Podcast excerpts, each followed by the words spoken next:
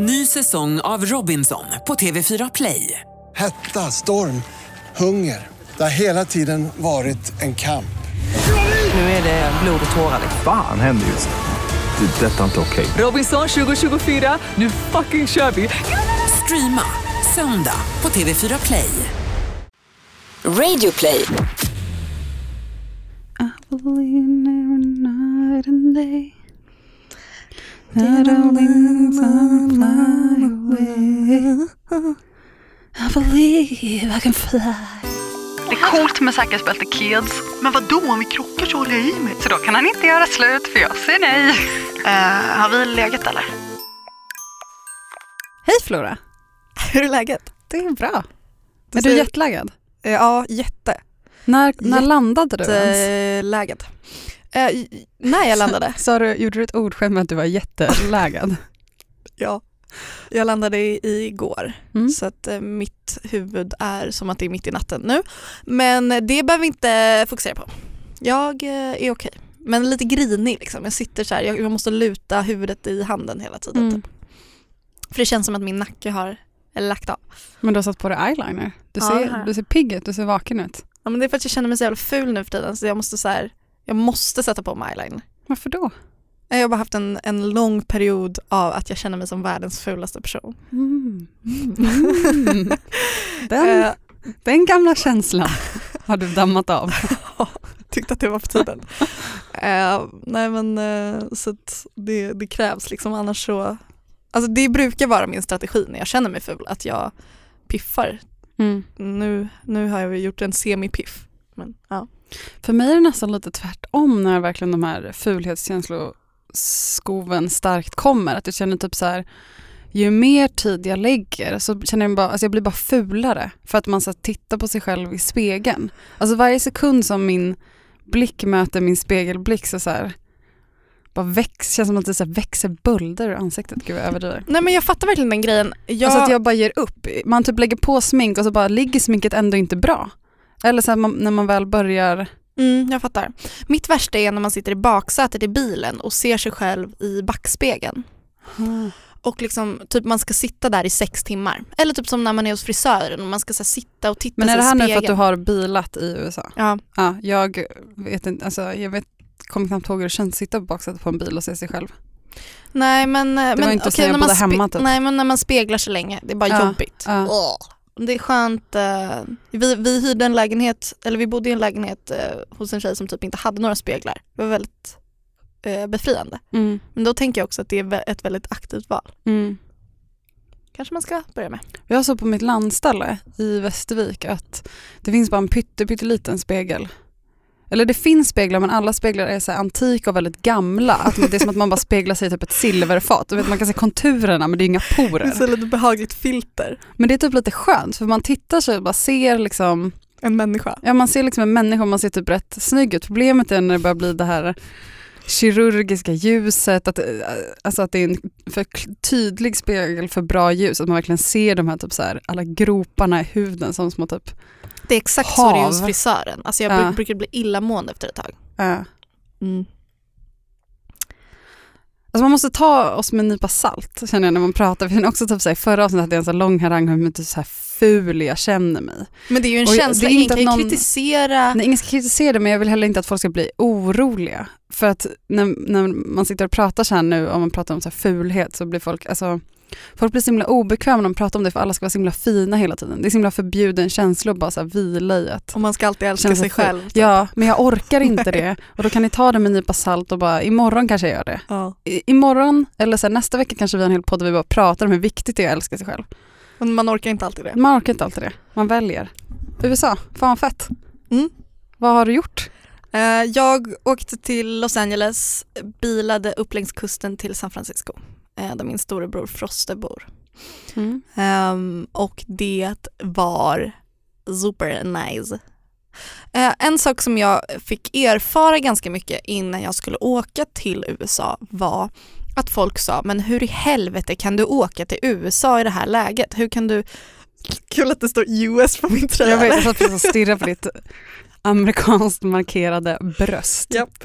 USA i mitt Ja. hjärta. Nej men så här, eh, det, det, jag förstår den kritiken.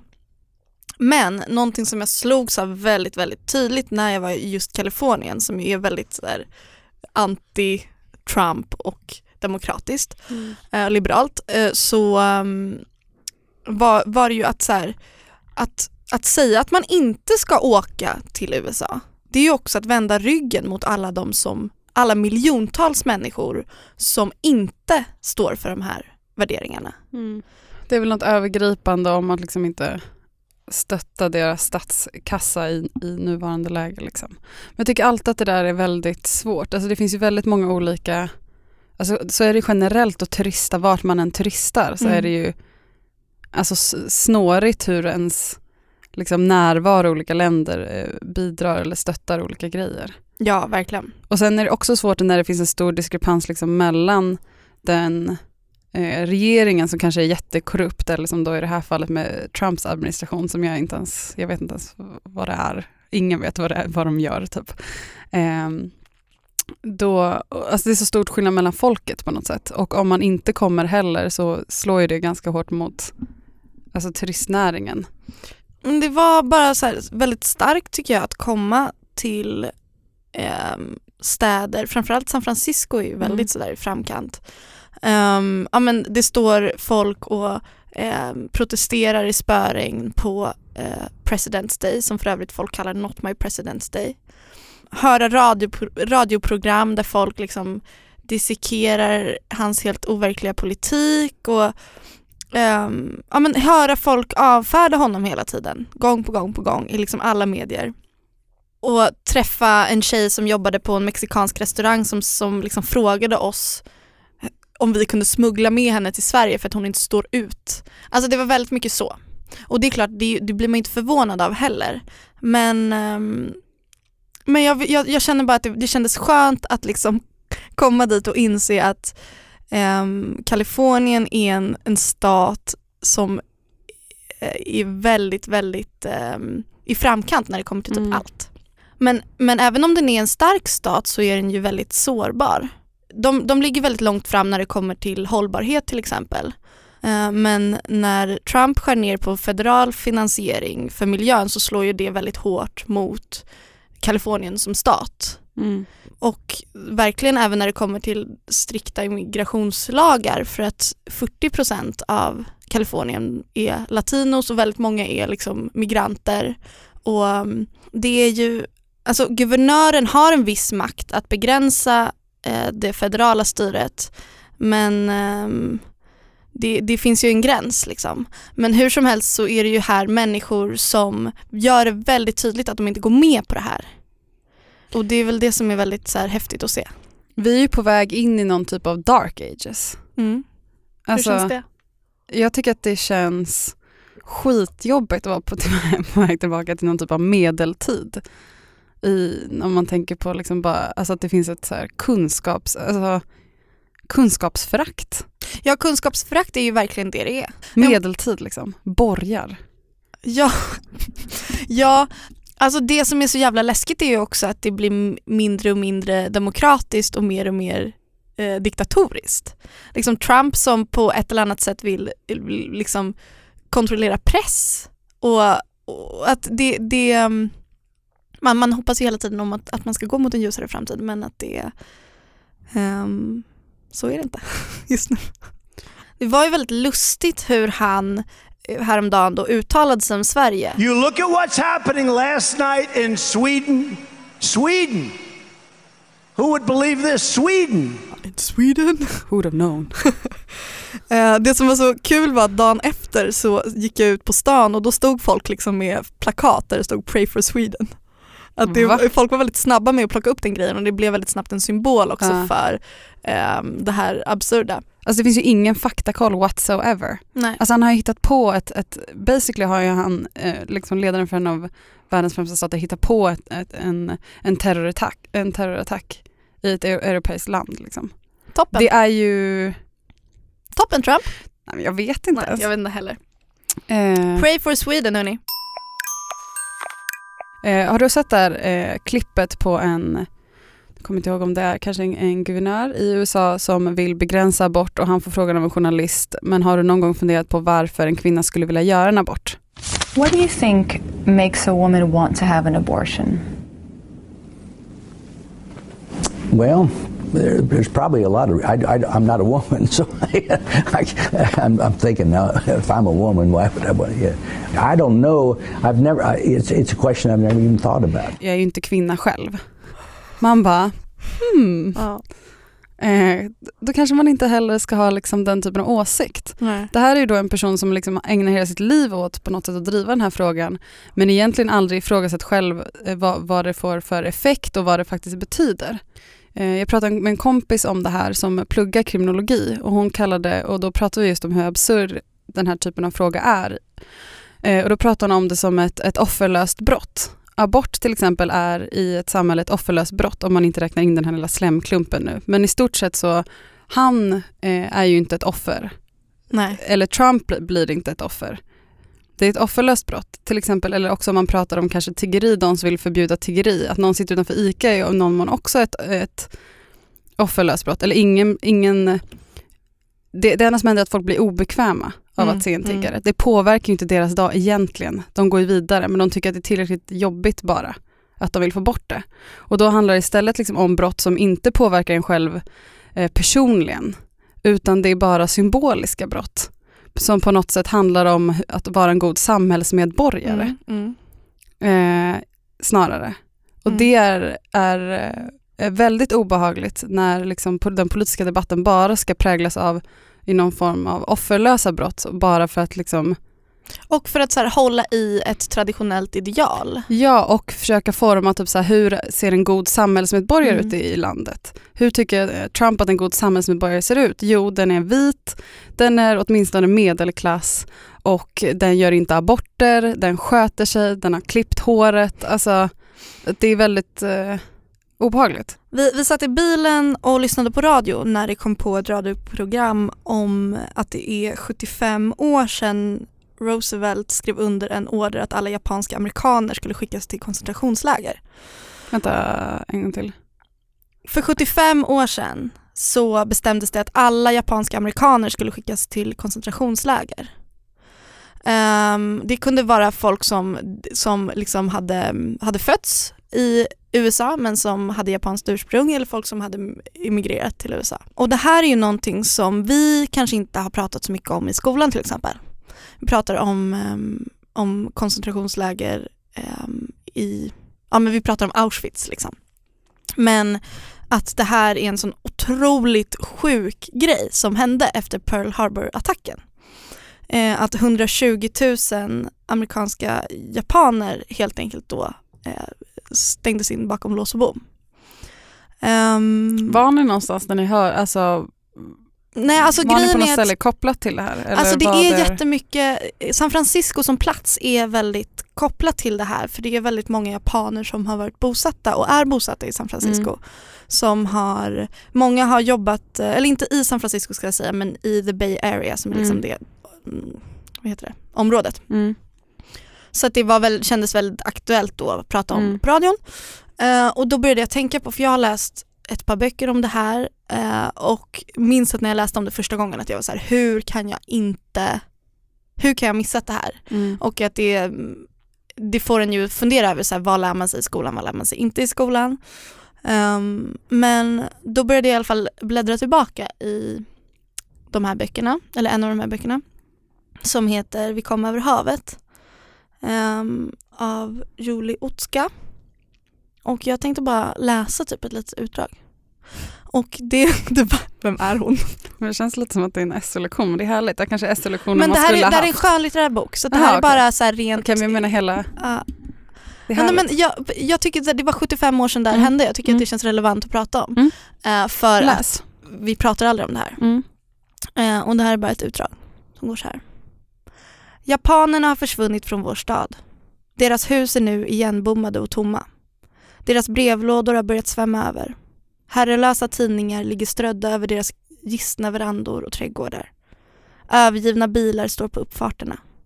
Tjocka knotiga ogräs skjuter upp ur deras gräsmattor.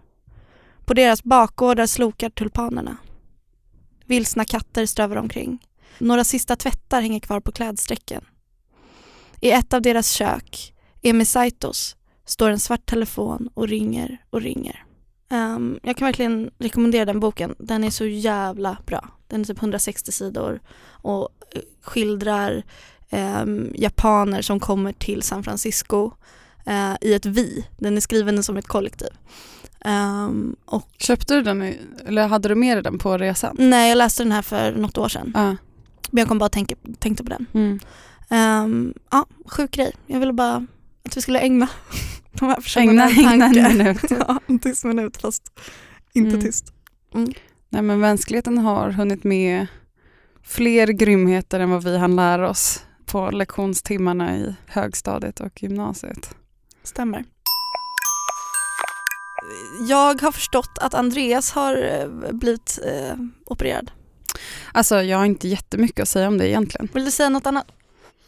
Ett av mina eh, största trauman i livet är när jag eh, går på mellanstadiet och blir inlagd på sjukhus under en, en period och även opereras. Eh, för att jag är och var ett barn av väldigt mycket integritet. Så att det var väldigt, väldigt jobbigt och alltid haft eh, auktoriteter liksom, som lärare eller vuxna. Så, här. så då i, i samklang, eller så här, i kombination att ha väldigt mycket integritet och då att liksom vuxna och ens föräldrar då gemensamt bestämmer att någonting ska hända med en. Alltså att de ska öppna upp en under, liksom, de ska söva ner en och sen skära upp en. Eh, det var, tyckte jag sög, helt enkelt. Vill du säga något om, om varför du var inlagd? Alltså det var mm, en blindtarmsoperation. Mm. Så att det var liksom inte heller, eller det var ju livshotande för att det, hade, det var ganska, hade gått ganska länge. Eh, och jag visste också att när, man, när jag var inne på de här, när jag träffade läkare så visste jag också att om, om jag kunde hoppa nu, då är det inte blindtarmen. För man kan inte hoppa på ett ben så här och säga om det är blindtarmen. Så, så här tvingade jag mig själv att hoppa och göra alla de här grejerna för att det inte skulle vara det.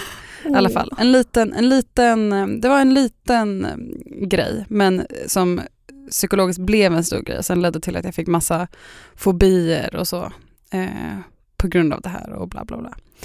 Eh, så sen dess har jag väldigt, väldigt svårt för sjukhusmiljöer. Eh, alltså jag kan liksom inte ta blodprov utan att typ börja gråta och jag vill liksom inte vara i för sterila miljöer. Länge var typ simhallar jobbigt, alltså sådär bakåt. Eh, och nu så eh, behövde Andreas opereras i fredags. För han har diskbråck. Precis, han, en kota i hans rygg, liksom. eller en disk mellan kota och bla bla, är helt fakt. Liksom. Så han behövde göra den operationen och det var Andreas är alltså Fridas kille för Precis. den som lyssnar för första gången. Eh, och det var... Shit vad det är starkt att vara i sjukhusmiljö när man, med någon man verkligen så älskar. Mm. Det är... Eh, alltså när, de, när sköterskorna rullade iväg med honom i, så här, i sängen och han såg så himla ynklig ut och de precis satt i dropp och det är de så här... Eh, det var jobbigt. Det är väldigt tråkigt liksom. Men är det att du får så här katastroftankar? Nej men också att jag inte tycker om när man blir så medveten om hur så här skör kroppen är som system. Typ. Ja men det känns Alltså man kan stanna, alltså man kan söva, de sövde ner honom och bara pausade honom. Mm. Och sen när man Så träffar creepy. honom efter uppvak så är hon så här helt groggy och borta och Alltså, typ alltså- mosig. Och man bara, men varför? Eller så tänk om, Men att, att, söv, att veta hur man ska söva ner någon för att den sen ska vakna upp i lämplig Mm. tid. Och alltså, alltså det är typ det sjukaste. Det är en sån konstart. Inte det är typ det dyraste i hela operationssalen. narkosläkaren. Ja. Sjukt. Men hur har det gått? Nej men det har gått jättebra, inget mer att säga om det egentligen. Alltså nu håller han på typ gör sin rehab. Ja. Nej, men alltså det här Det är med... tråkigt att bli påmind om att, att kroppen inte bara är ett skal av någon så här, en perfekt maskin som verkar inuti utan det är så här, Oh ja, man kan dö. Det är det jag försöker säga. man kan dö. Man kan dö. Jag, jag, fick, jag fick se det väldigt tydligt häromdagen. Um, vi satt återigen i bilen eh, vi hade varit på vinprovning eh, och skulle tillbaka in i San Francisco och skulle åka över Golden Gate Bridge som för övrigt är eh, världens mest självmordstäta plats på tal om död. Men vi, det här var i alla fall en bit innan den och helt plötsligt så tjocknar trafiken. Och eh, det börjar komma ambulans eller brandbil efter brandbil och det luktar rök. Och ju närmre vi så här, långsamt, långsamt kommer fram så ser vi att det är en bil som har kört av, eh, eh, vad heter det, filen. Eh, och kraschat rakt i någon slags viadukt. Eh, och hela bilen är kolsvart och det ryker och, och vi åkte förbi och bara, det, det är liksom en människa där i. Mm. Och jag har typ aldrig sett en så kvaddad bil i hela mitt liv. Eh, Och att vi var så här en minut ifrån det när det hände antagligen. Mm. Jag är sjukt noga med säkerhetsbälten. Jag med alltså. Det är coolt med säkerhetsbälte kids. Jag har en familjekompis som, som eh, vägrade spänna fast sig. Eh, och när man eh, frågade varför så sa han Men vad då om vi krockar så håller jag i mig. Så det var så himla fint. Ehm, jag är också jättenoga med säkerhetsbälten. Jag är helt övertygad om att jag kommer dö i trafiken och det har jag Mm. känt sedan jag var ett barn. Mm. Ehm, så jag tycker det är sjukt läskigt. Eh, när vi satt och hade sett den här eh, kraschen så berättade min storebror Froste om en grej som han var med om eh, ganska nyligen. Eh, de var i Death Valley som är ett stor, ett stort naturreservat i södra Kalifornien. Där det är väldigt så här, slingriga vägar. Ehm, och när de kom ut från den här, det, det mest slingriga partiet så ser de en man gå på vägen som håller, för sig, håller sig för sin mage. Eh, och när de kommer närmare så ser de också att det står två bilar där. Eh, den ena verkar okej men den andra är så här super eh, frontalkrockad. Och då eh, klev Froste och hans fru ur bilen och sprang fram dit och då så hittar de två unga personer i den här bilen i vår ålder. Det sitter en kille i passagerarsätet och han, han är okej liksom. Eh, Men i, i förarsätet så har krockkudden tack och lov liksom blåst upp eh, men det sitter en tjej där som är liksom fastklämd. Fan vad sjukt för övrigt att vara fastklämd. Alltså, så himla himla tråkigt. Mm, trist. Supertråkigt. Mm. Men hon var, hon var vid liv liksom. Eh, Men Froste såg väldigt snabbt att så här, jag kommer inte kunna få ur henne härifrån för att hon rent fysiskt sitter fast. Men han tar henne i handen och han försöker så här, prata med henne men de är kineser så de pratar inte engelska. Det kommer fler bilar dit eh, och Froste sitter och försöker få den här tjejen att hålla still sitt huvud för att om man rör sitt huvud och nacken har brutits då kan man dö. Eh, Mm. Så det gäller att vara så superstill så att man får en, ett, en sån här nackstöd sen. Liksom. Ja. Ehm, och så kommer det fler dit och, då, så, och så säger de så här, vi måste ringa en ambulans men det finns ingen mobiltäckning för de är mitt ute i, en, i ett naturreservat. Men då... Som i en skräckfilm. När man behöver det så har man aldrig mobiltäckning. Nej. Ehm, men då åkte de till någon så park ranger och hämtade honom och han var så ganska ung och oerfaren. Eh, han är liksom en så parkvakt. Kom dit, hade med sig en sån här C-collar, vad heter det, nackstöd. Ja. Ehm, och sa bara typ så här: oh shit, oh shit, oh shit, oh shit. Ehm, och sen så var de där i typ tre timmar innan, ehm, innan ambulansen kom. För Mm. att de var ju så långt borta i Tjotahejti. Mm. Um, Froste sa att det här var typ bland det sjukaste han har varit med om. Liksom. Mm. Ehm, så ja, kroppen är en vansklig, ehm, ett vanskligt ting. Mm. Och man blir väldigt, jag blir i alla fall ganska så när jag hör sådana här saker att jag bara vill klappa lite på mig själv. Mm. Allt blir bra, du behöver inte tycka att du är ful för det spelar ingen roll. Nu ser ni, nu halvtimme in här kommer lite self-love. ah, jag skulle kunna tänka mig, eh, det, eh, det, eh, blablabla. Gud vad jag är trött nu. Eh, Ska vi ställa oss upp och skaka på oss? Ja, kan vi inte göra det? Vi tar en paus. Kan vi inte testa stå en stund? Jo. Eh, min kompis Kristina fyllde år för eh, någon vecka sedan och då samlades vi eh, hemma hos henne och så åt vi tårta och pratade igenom, liksom, löser världsfrågor. Såklart. Så som man gör när man hänger. Vad annars? Och då pratade vi mycket om om hur Sverigedemokraterna växer i Sverige och hur det politiska klimatet ser ut här som inte är allt för olikt eh, USA eller andra länder med alternativ fakta och typ allmänt kunskapsförakt. Eh, och liksom så här, men nu har det kommit till en punkt där man så här, vad fan ska vi göra? Mm. Eh, inte så ny spaning. Men att, liksom, att känna hopplöshet inför det och så pratar vi om det fram och tillbaka, och liksom, vad ska man göra? Och jag tror att det är så himla viktigt att inte bara eh, känna så förakt och hat mot alla personer som har som sugs med i de här olika rörelserna. Alltså man ska känna hat kring politiken och känna hat kring de som kanske liksom står längst fram i marscherna och verkligen förespråkar det här. Men att det också är viktigt att inte bara känna hat mot alla, varenda individ i alla orter överallt som eh, sugs med av olika anledningar. Så är det ju. Det blir väldigt klassföraktfullt då också. Eh, ja, verkligen. Alltså, det är så himla enkelt att alla vi kommer från Södra Latin och gått på någon så här, eh, hipster elitskola i, i Stockholm.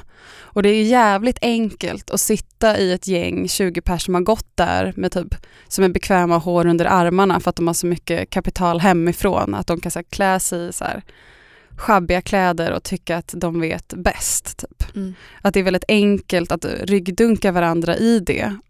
Eh, men jag tror att det är väldigt viktigt att inte bara sitta och ryggdunka och dela länkar till ens kompisar på Facebook som redan tycker samma saker och bara känna hat mot de som inte är, eh, kommer från den typen av bakgrund. Liksom.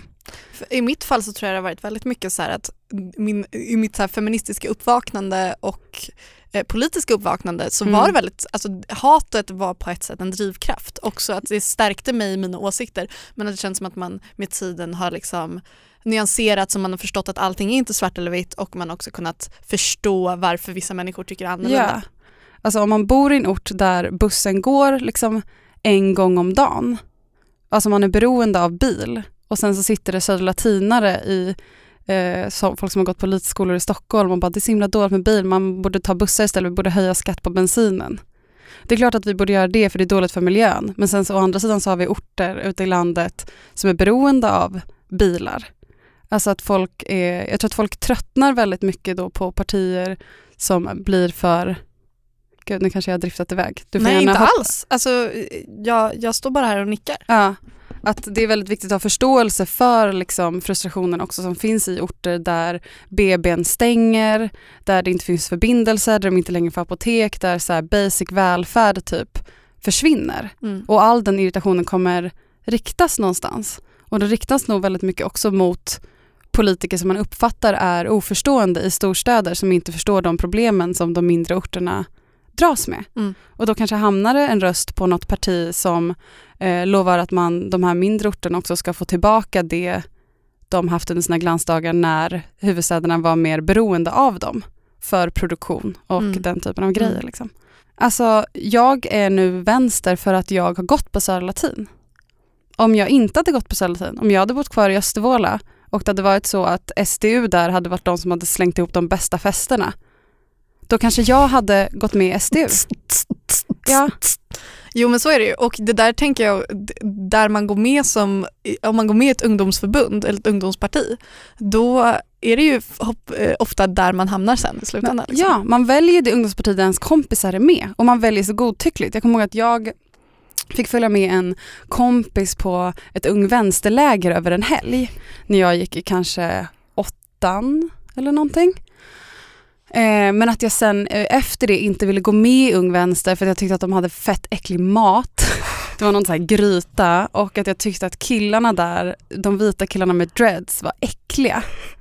Eh, så därför gick, ville inte jag gå med i Ung Vänster. Mm. När vi hade så skoldebatt på gymnasiet eh, vid skolvalet så var eh, det en jättecharmig, assnygg kille som förespråkade Centern vilket gjorde att Centern fick jättemycket röster i skolvalet fast typ ingen annan kanske hade röstat så mycket på dem Ja. innan. Eh, så det är klart att det är så.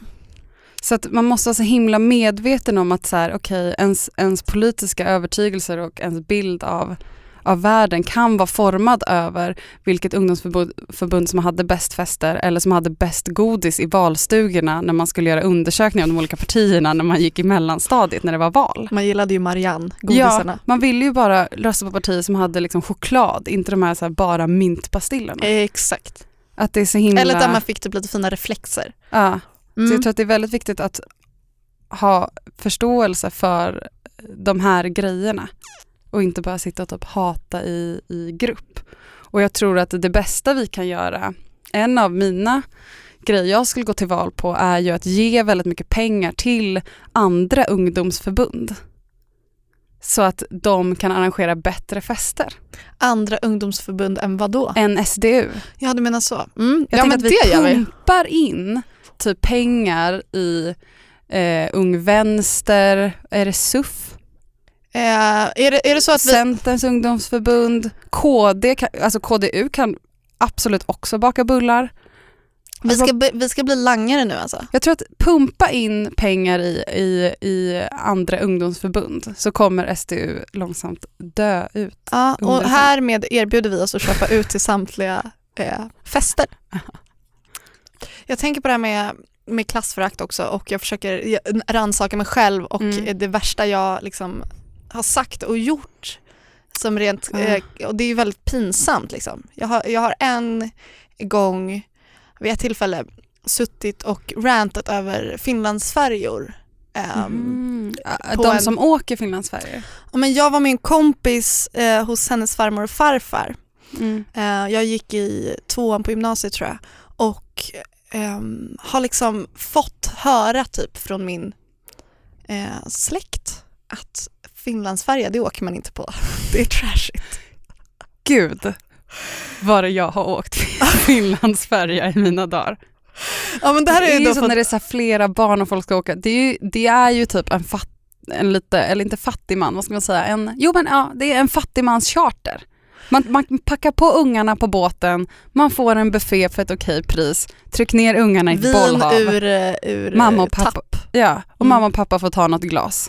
Ja men och, precis, Härligt. superhärligt. Och, men, men de måste förstå att jag har liksom inte, jag har återigen var man har fötts in någonstans i, i min så här, min familj är ganska fin i kanten på många sätt. Vilket, gud jag eh, har också mig ägnat mig otroligt mycket åt klassförakt. Mm. Så att det är no shaming. ja, men det som hände var att, att jag satt på den här eh, middagen eh, och eh, jag sa, vi, Finlandsfärja kom på tal och jag hörde liksom typ min mammas röst som sa så här, nej men usch Finlandsfärja, det, det skulle jag aldrig åka på. Det var liksom det jag sa. Mm. Flora, 15 år gammal. Mm. Och det blir helt tyst. Och så säger min kompis då, ja, eh, farmor och farfar de åker två gånger om året. Mm. Och jag bara tittar ner i min thaimat och bara Oh no. Och det var typ det första, alltså då förstod jag typ vad klassförakt är för jag hade Mm. inte förstått det tidigare. Eh, Skönt att stå upp. Fett skönt och så. Jag tycker det här var as. Det här känns så himla mycket mer ledigt än att sitta ner. Jag måste ta en bild på dig. Alltså det här är så jävla skönt. Eh, Anna och Andreas kompisar jobbar nu på Expressen. Eh, och då så satt vi och hängde och tog någon öl, jag, Andreas och han. Och så började vi prata om kändisskvaller och vad han har hört och vad som går för rykten på det här på redaktionen och så. Och då insåg jag att jag själv har så otroligt mycket grov, ganska grovt eh, kändisskvaller. Ja du levererar ju kändisskvaller till mig ganska ofta. Ja, jag, kan inte, jag kan inte säga vilka personer det rör sig om, men jag kan ju säga kort bara några av mina favoriter. Ja och sen om ni träffar Frida ute på någon klubb någon gång så kan ni fråga så Exakt. kanske ni, hon kan viska det i era öron. Och då en av mina favoriter är ju hur eh, en, en eh, känd eh, manlig musiker som har en väldigt helylle aura. Eh, hur han eh, efter en spelning backstage bad min kompis och hennes kompis om de tillsammans kunde suga av honom. Och vi hoppas att det här är Winnerbäck. Eh, jag kommer inte säga eh, vem det är, men det är... Det här är leken att jag ska bara gissa. Ja, ja. okej. Du säger Winnerbäck. Mm. Jag kan, inte- vad ska jag göra? Jag kan inte säga när det är rätt eller fel, men det är fel. Eh, men eh, väldigt så här, politiskt öppen, eh, härlig kille. Liksom. Varför kan du inte säga vem det är? Ja, men det är så himla svaga jag vågar inte ställa mig. Men i alla fall, en härlig kille. Men han var Du verkligen vill inte att jag ska hamna, av hamna, mig. hamna på löpet? Eh, och sen, eh, Sa de ja? vad sa du? Sa de ja? Eh, jag, jag, tror inte, jag, jag tror inte det. Jag vet faktiskt inte. Mhm, Okej. Sjukt att Historien det... slutar där. det Jag tror inte att de här personerna kanske vill erkänna vad Bra som Älvsjön poddmaterial. hände efter. Mm. Eh, sen har jag ju mina kompisar som söp på gymnasiet i Bromma och liftade hem med E-Type i hans Hummer.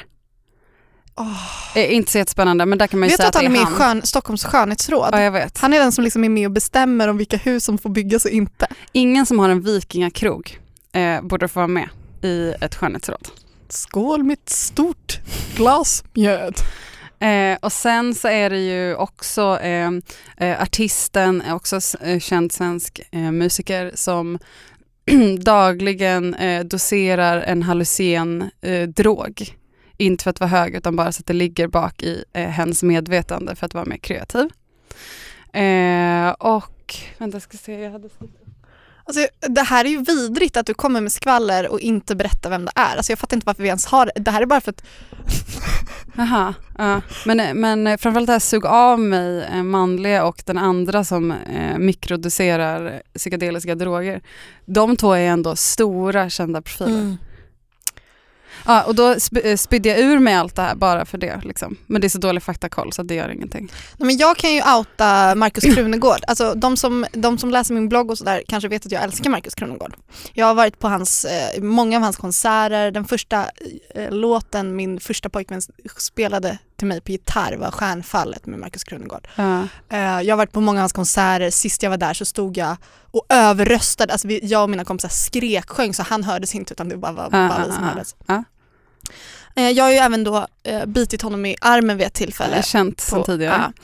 Men han har också, eh, när, när vänner till mig har gått fram till honom och bara så här, hej hej, så här, du vet som man Ja, hälsar på en ja, kändis. ja. Han bara, eh, har vi legat eller? alltså det här har hänt upprepade tillfällen med olika personer. Oh dear. Mackan K! Mm. Sen har vi också eh, den eh, också kända eh, varit med i eh, eh, serier, ska man säga, skådesp- skådespelare slash musiker som eh, gillar väldigt unga tjejer och som säger att han är polygam så att han har, han eh, har alltid typ tre flickvänner samtidigt oavsett vad de här tjejerna riktigt tycker om det. Eh, och en av mina kompisar eh, var en av, eh, ingick i hans eh, flickvänskollektiv under en kort period. Eh, och då skulle de, det här var förra året, fira alla hjärtans dag och då skulle så här, två andra tjejer vara med och det här var typ droppen för henne när hon backade ur hela det. Hela den grejen. Kan du liksom. snälla säga vem det här är? Mm, det kan bipas. Från Varför kan inte det få vara med? Men jag kan inte outa om hans, alltså prata om hans sexualitet liksom. Nej, okay. Eh, Mm. Men gud, alltså jag har så jävla mycket bra ändå så här knark, kändis. Ja, men man, vill, man vill nog ha namn för att det ska Ja, kännas kul. Annars ja, blir det så här, annars blir det så himla slappt. Eller mer detaljer som man kan gissa sig Ja. till. För grejen är att om du, om du specifierar mer, typ han har varit med i, alltså du vet. Okej men kan den här killen vi just be, bi, bipte. Mm. Nej, men kan inte, nej det går inte att säga. Men, men eh, musiker och varit med i serier, skitsamma. Han är snubbe. Han är en riktig snubbe med stort hår. Och långa tanniga ben. Eh, Okej, moving on. Ehm, ja, Ja. Vill du avsluta med, eller vill du prata om att du mått, varit ledsen? jag kan bara säga så här. Ehm, att resa är ju Vi står ju som två Captain Morgan, alltså så med foten uppe. Aj, aj, aj. Ehm, jag har då en papegoja på min axel nu om inte det syns. Mm. Hur som helst, eh, förlåt, svammel. Ehm, att resa tillsammans med sin partner är ju som att snabbspola eh, tio år fram i ett förhållande. Mm. Ehm, man blir gamla tillsammans direkt. Nu till exempel så, så sitter jag och kissar medan han borstar tänderna. Eh, jag satt och pruttade mig genom hela flygturen och jag bryr mig liksom Shit, det finns väldigt många sådana där mil toalettbaserade milstolpar som en relation ska passera. Ja, och jag och min snubbe har ju inte varit ihop mer än fyra månader eller någonting så det är ganska så här, mycket nytt liksom. Rätt, rätt tidig introduktion av fis Ja men det är så här, har du, alltså, vissa människor sitter ju och håller in pruttar på flygplanet. Alltså fuck det, man ska, om man ska resa i 11 timmar, ska man sitta där och ha så ont i Folk- magen? Folk håller inte in, det är därför det typ alltid luktar så jävla mycket prutt när man flyger. Så jag tänker att det är så här, luft som bara går runt, runt och ingen bryr sig och alla är bara så här, äh, whatever. kan må lite illa nu, fortsätt. Mm. Vet du förresten att flygplansmat är översaltad för att man, har, man känner inte lika mycket smak? Hört om det förut. Ah, ja. Ehm, nej, och då det som hände egentligen var att eh, jag, blev, jag hade ganska mycket ångest vissa delar av resan för att jag återigen då kände mig väldigt ful. Eh, och det kan ju ibland, eh, det kanske var för att jag hade ångest av andra saker och så kände jag mig ful som resultat eller så var Mm. det det som gav mig ångest. Mm. Jag vet inte. Man är ju också aldrig så ful som när man reser. Nej men så är det ju. Alltså när man kommer ut ur ett flygplan så är det som att någon har torktumlat den. Typ. Ja. Alltså, ja men jag såg faktiskt torr torktumlade och fnasig och svettig och samtidigt och svettig. Ja. trött. ja, som att man har hängt en, i tvättstugan en hel dag. Ja. Fast inte att man doftar nytvättat nej och nej nej, man, man luktar gamla strumpor. Ja. Ehm, men att jag, jag tror också när vi är hemma i Stockholm då är vi ofta hemma hos mig och det är lite mitt fort och det är jag som har Mm. kontroll Mm. och sen nu är vi ute och reser tillsammans och då är det han som kör bil för att jag inte körkort. Och att jag insåg att så här, maktskiftet i vår relation förändrades ganska mycket, att så här, statusbalansen förändrades. Och det gör För ju... att han kunde köra bil. ja, men han, han var bara, bara "Baby, kaxigare än vanligt. Alltså han hoppa var bara lite in." så här, ja, Man vet ju att ni inte tar er från ett ställe, från A till B, nästa ställe förrän han har bestämt sig för att han ska trycka på gaspedalen. Han kan knuffa ut mig ur bilen så att jag rullar över eh, den sexfiliga motvägen och kör vidare. Så orimligt. Han, satt med, han kände sig maktgalen hela bilresan, bilresan för att han visste att han skulle kunna knuffa ut dig i farten. Japp, så var det. Och det inte skulle påverka honom. Eh, nej, men så det var bara att jag, Drömförhållandet. the dream. Men jag bara fann mig själv i situationer där jag bara du vet, nojade över, bara, är inte han kär i mig? Tänk om han tycker att jag är världens fulaste. Uh. Och att det var nytt att få känna det. Det var härliga, härliga känslor. Men nu känns det lite bättre för nu är vi hemma i mitt fort igen.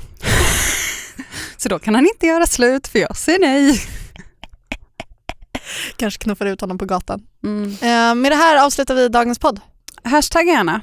Eh, eller följ mig på Instagram, jag heter Frida Vega. Följ Eller- mig, jag heter Flora Vis med W. Och sen så får ni jättegärna hashtagga Flora Eh, Frida. Flora Frida. Eh, och några som har hashtaggat är chew.on, eh, dans, dans, dans underscore.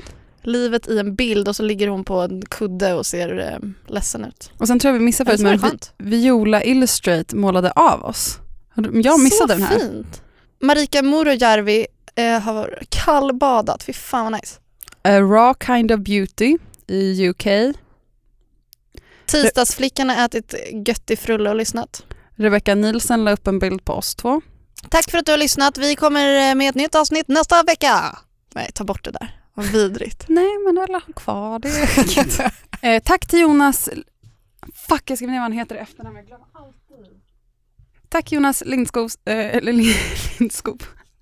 eller Lind- Lindskov. Gud, alltså vi är som en efterhängsen flickvän som vägrar lägga på. Det är så här, vi slutar aldrig riktigt på den. Men du kan lägga på. Hej då! Hej då. Fett skönt att stå tycker jag. Ett poddtips från Podplay. I fallen jag aldrig glömmer djupdyker Hasse Aro i arbetet bakom några av Sveriges mest uppseendeväckande brottsutredningar.